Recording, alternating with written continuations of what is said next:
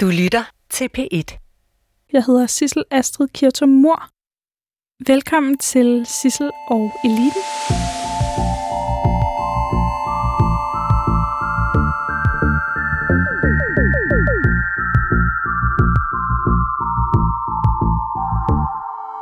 Malene Indø, velkommen til Sissel og Eliten.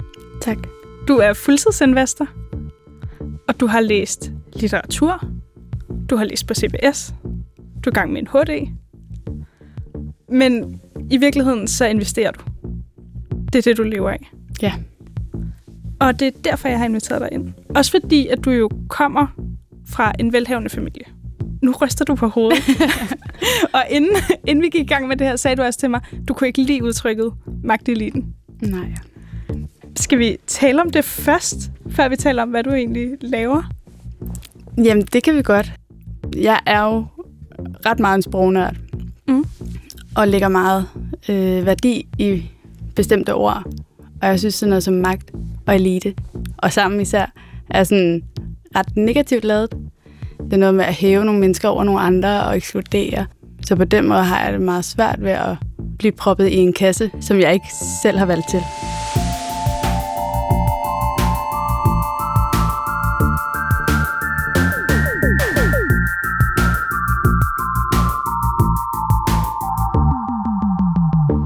Så det føles, det føles forkert? Eller ubehageligt? Ja, altså det er jo lidt at få en, en label klistret, klistret på sig, som mm. man ikke... Øh, altså jeg har jo selv valgt at blive investor. Mm. Og det er også et, et, en titel, jeg ligesom har skulle... Altså, jeg har haft den i to år, og jeg har først begyndt at bruge den rigtigt her inden for de sidste måneder, tror jeg. Og kunne stille mig op og sige, jeg er investor. Altså, jeg er, det er det, jeg lever af. Tillykke, Øh, Malene. jo, tak. øhm, Hvordan kan det være, at det var svært for dig at tage den titel på dig? Jeg var nok bange for, at folk ville tænke negativt om mig. Og det er måske både, fordi jeg har bevæget mig lidt i det her CBS, kap, altså, kapitalistiske miljø, hvis man skal være sådan helt sort hvid, men også i det meget humanistiske med min litteraturvidenskabelige uddannelse. Så jeg ved ligesom, at verden har forskellige perspektiver, og, og det er bare vigtigt for mig hele tiden at være sikker på, at jeg bliver set i det rigtige lys. Øhm, og på den måde så hænger jeg mig rigtig meget i, hvad, hvad ord betyder, og især for andre mennesker, og hvad, hvad det betyder for deres syn mm. på mig. Hvordan blev du investor? Jamen, det blev jeg, fordi at øhm, min far har altid investeret. Mm. Og øh, skal det være hele historien? Ja, lad os prøve, fordi Ja. de penge, din far har investeret, kommer jo fra din mor, Mm, Ja, ikke sandt? Fordi hun var designer for Pandora. yes. Fortæl endelig. Ja, så altså i, hun bliver ansat i- Pandora i 96, og i 2000 vælger de at, øh, de designer simpelthen det her armbånd.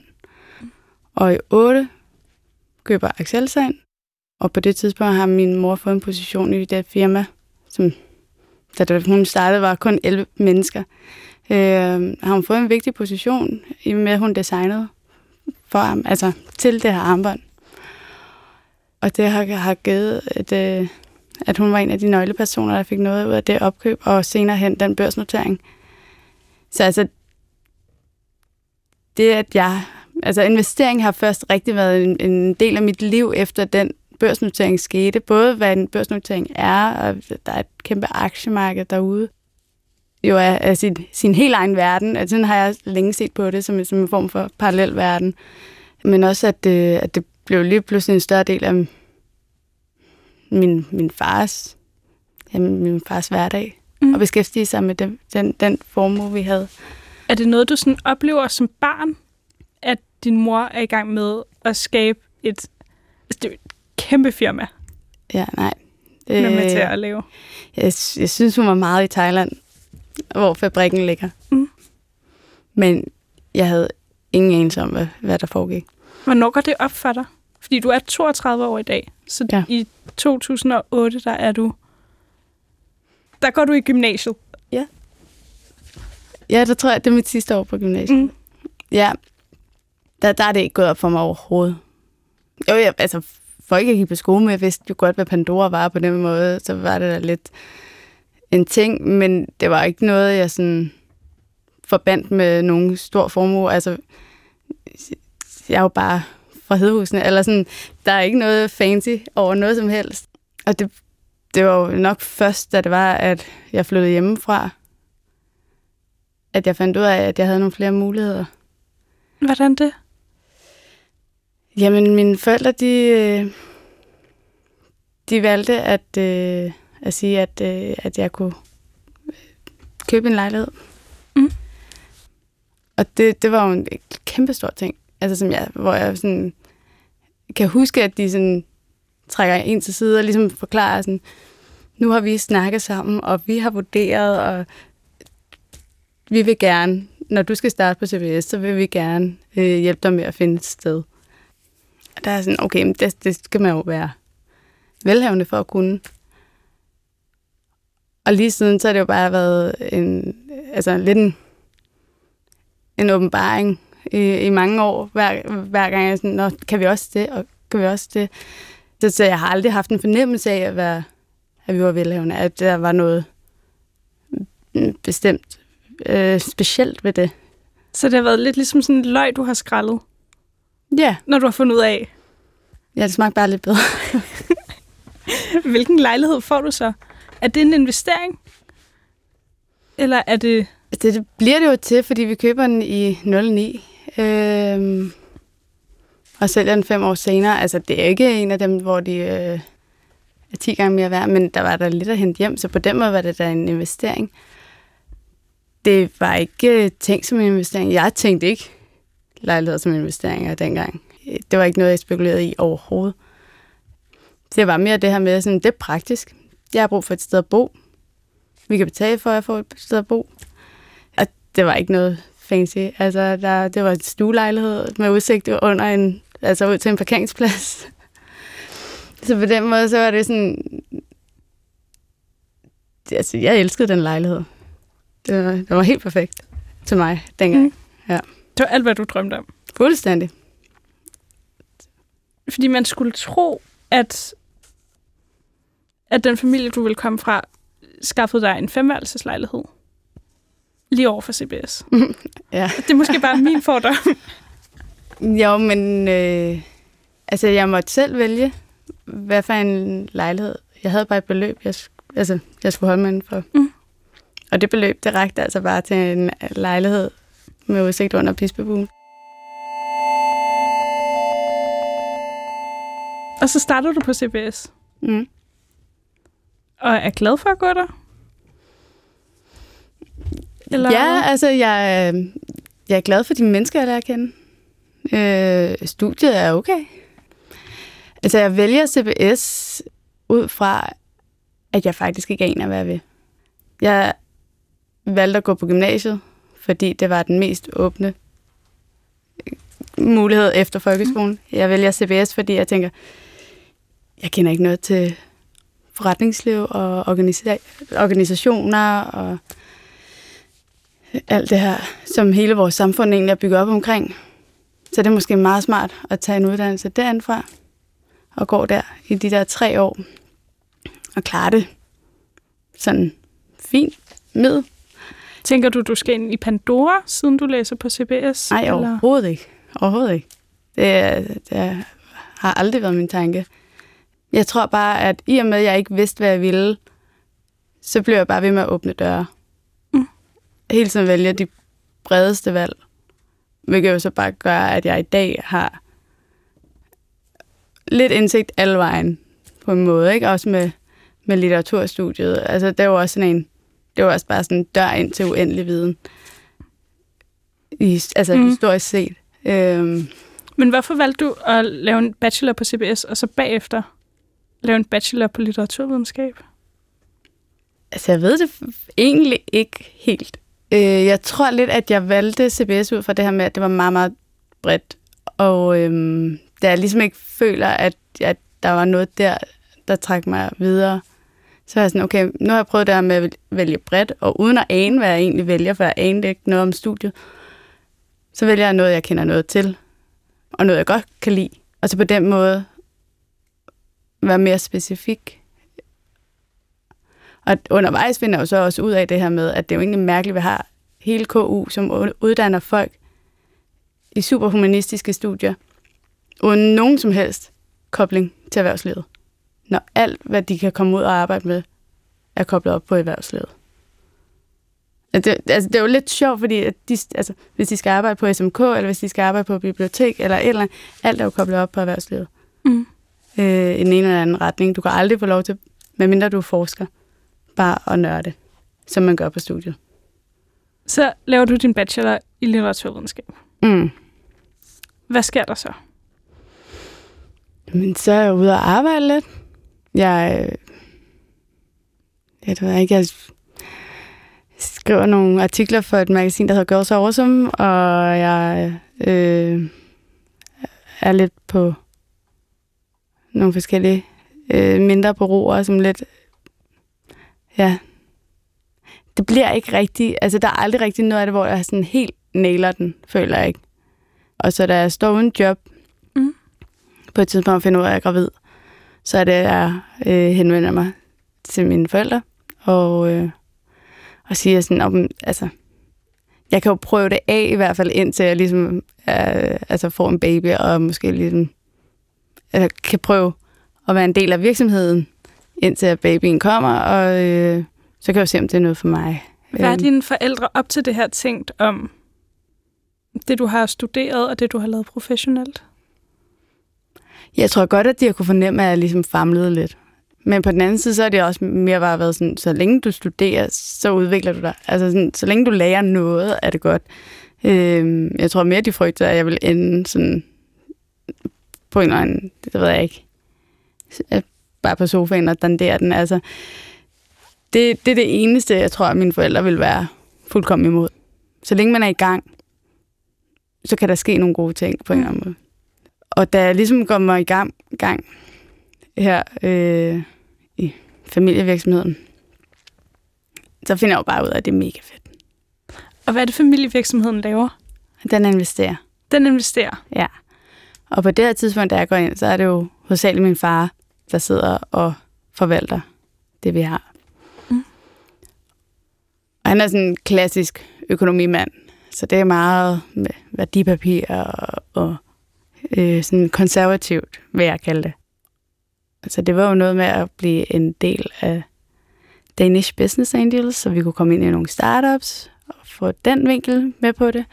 Men også det her med at ligesom finde ud af, hvad vil det sige at investere? Altså hele den der sådan skoleafdeling af at gå ind i virksomheden. Mm. At, at det blev en del af mit arbejde simpelthen at lære det her felt at kende. Øhm, bruger jeg rigtig meget tid på at sætte mig ind i hele det her med bæredygtige investeringer, være impact investor. Øh, ja, så der var, der var rigtig meget at gå i gang med på en eller anden måde, så føler jeg stadig, at jeg lærer lige så meget, som jeg arbejder. Øh, der er ikke noget, der sådan er en, en fast hverdag endnu.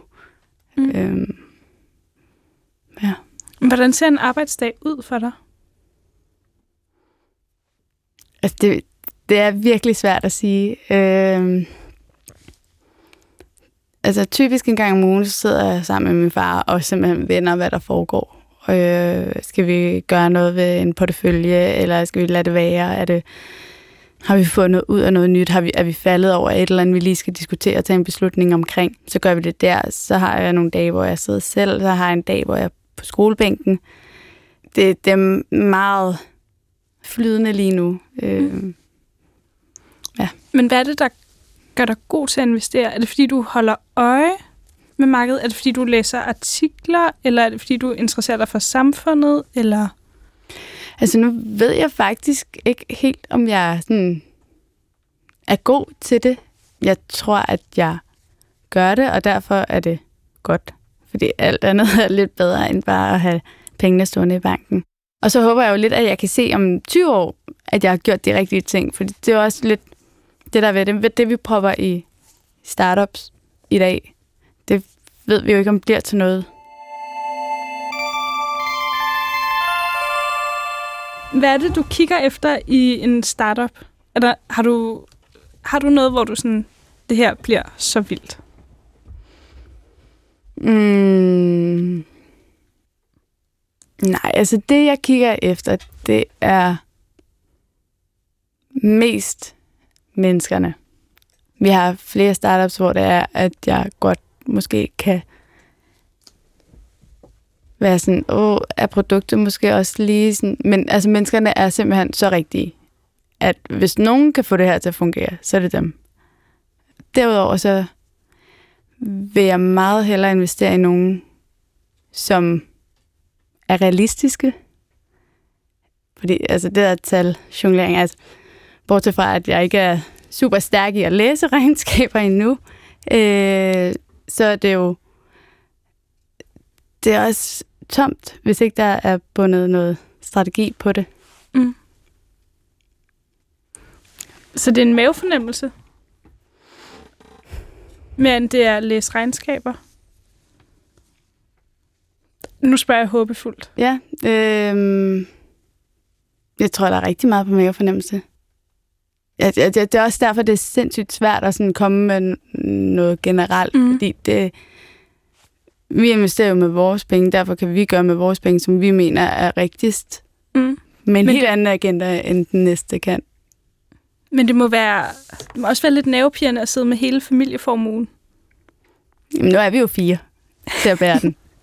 øhm, og der bliver også, altså, børnebørnene får der også, altså ikke mine, men mine forældres børnebørn.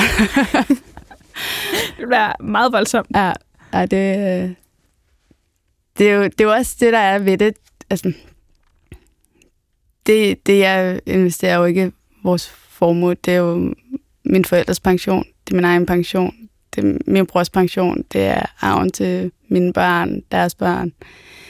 Altså, det her, det er jo noget helt andet for mig øh, at sidde med, og derfor så, hvis så vi placerer det i noget, så skal det også være noget, der kommer til at gavne børnene. Altså, det mm. skal være med til på en eller anden måde at være i hvert fald et bidrag til, til en bedre verden, eller øh, nogle bedre muligheder for dem, eller ja, der, der er sådan en helt...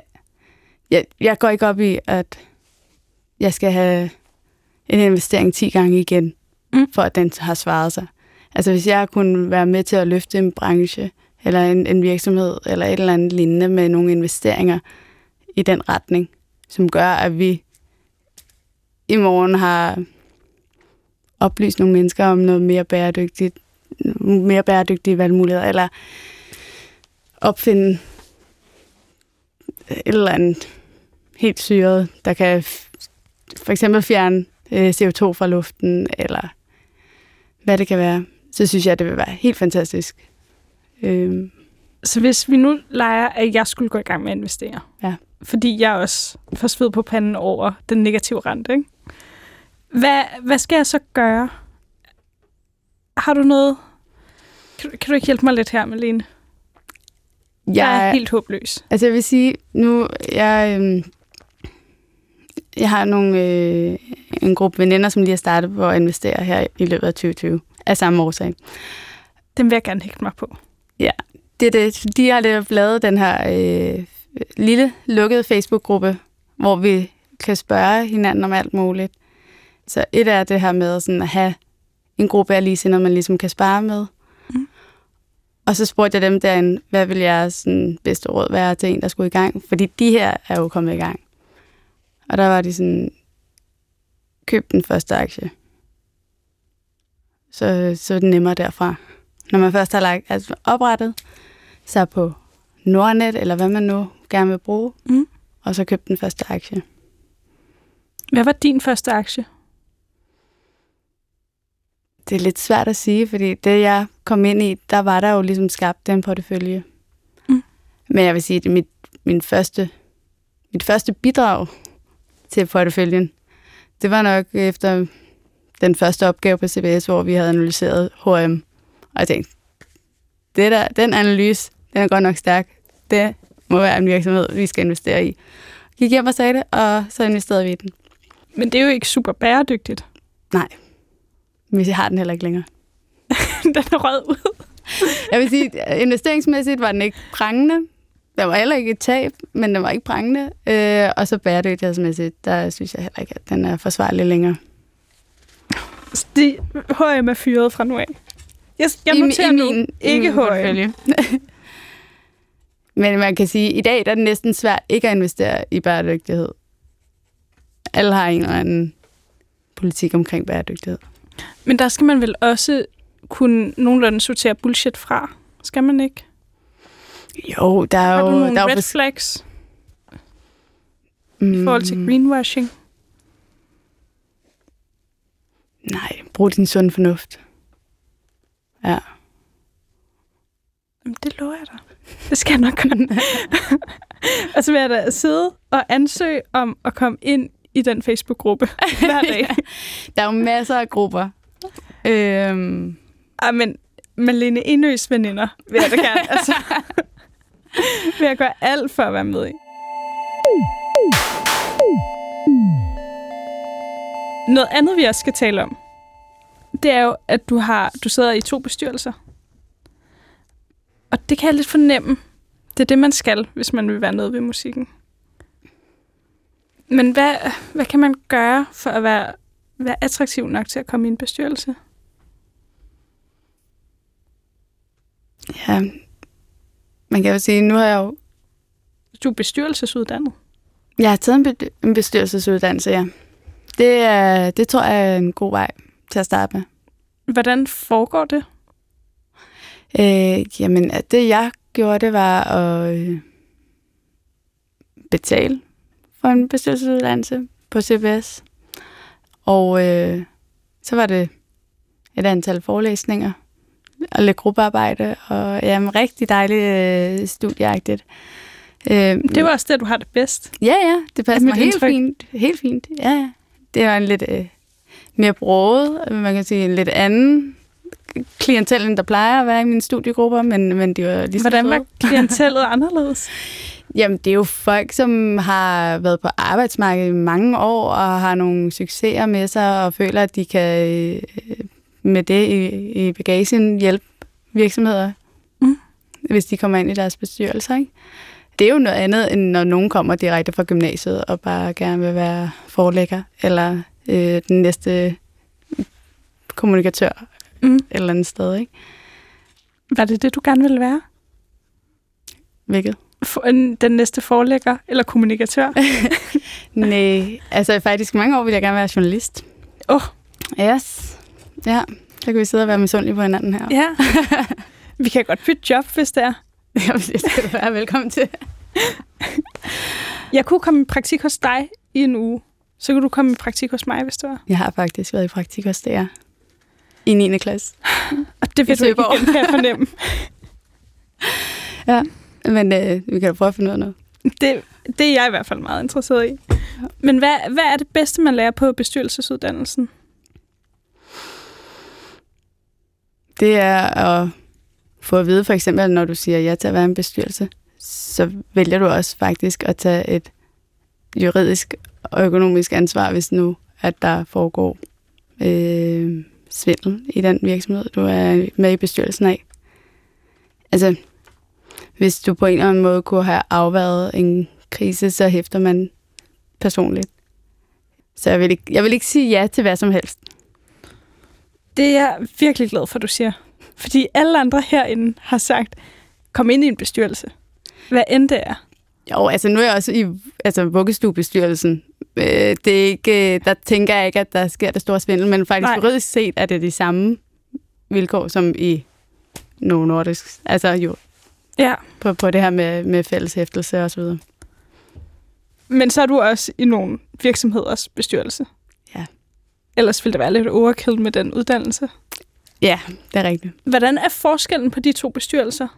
Hvordan de bliver kørt? Mm, nu er vuggestuebestyrelsen er en del større, mm. øh, fordi vi er en del institutioner i samme bestyrelse. Og det hele er kun foregået på online, hvad hedder det, virtuelle møder indtil Ja. ja. videre. Det er bare lidt noget andet. Man kan sige, at emnerne er også af en anden kaliber. Men jeg vil sige, når man har et barn, så er de mindst lige så vigtige. øh, ja. Der er ikke så meget ekspansionsplaner og strategi på bordet i en vuggestue. Nej, Men der, altså, der der, er der er lidt mere hardcore hos Happy Helper, Ja, forestiller jeg mig. det er, det, det, der er det lidt mere min CBS-uddannelse, der kommer i spil, kan man sige. Klæder du dig forskelligt på, alt efter om du skal til vuggestuen eller til Happy Helpers bestyrelse? Altså man kan sige, i og med vuggestuemøderne Er kun har online. været online. Ja. Så du kan klæde på fra, fra livet op. Ja. Ej, det, jeg, jeg tænker over, hvordan jeg klæder mig. Mm. Og helt klart også, om jeg bare skal ind på kontoret og sidde sammen med min far, eller om jeg har nogle møder, eller hvad, hvad jeg nu skal ud til. Det gør, jeg, det gør jeg meget op i. Er der nogle sådan do's and don'ts? Altså er der noget, som er sådan helt indlysende? Det her fungerer, det her fungerer absolut ikke. Nej, altså nogle gange, så tænker jeg meget over det, og så er jeg mere bare sådan, nu skal jeg også vise dem, at jeg øh, godt kan være ultrafeminin, og så stadig også have noget med om ørerne. Og nogle dage, så er jeg sådan, ej, åh, jeg tager den der habitjakke på i dag, fordi så ved de, at jeg har noget med om ørerne. Altså sådan, Ja. så den, den går lidt, altså det er sådan lidt pendul, der svinger frem og tilbage. Nogle gange, så, så vil jeg gerne slå et slag for feminismen, og andre dage, der vil jeg bare gerne falde i et med mængden, øh, hvilket i forvejen bare er super svært, fordi jeg er halvt så gammel som mange af de andre, og, og kvinden. Og hvordan klarer man det? Altså, det Man gør det bare. man gør det bare. Ja, det bliver man nødt til. Så det er noget med at være sin, sin position værdig, og så gøre det ordentligt. Malene, det er det sidste, vi når. Skal dit barn egentlig være fuldtidsinvestor? Hvis han har lyst. Mm. Han skal have muligheden. Tusind tak, Malene Enø. Fuldtidsinvestor. Tak, fordi du vil være med i Sisler Eliten. Jo, tak. Vil du også linke med mig på LinkedIn? Det vil jeg gerne.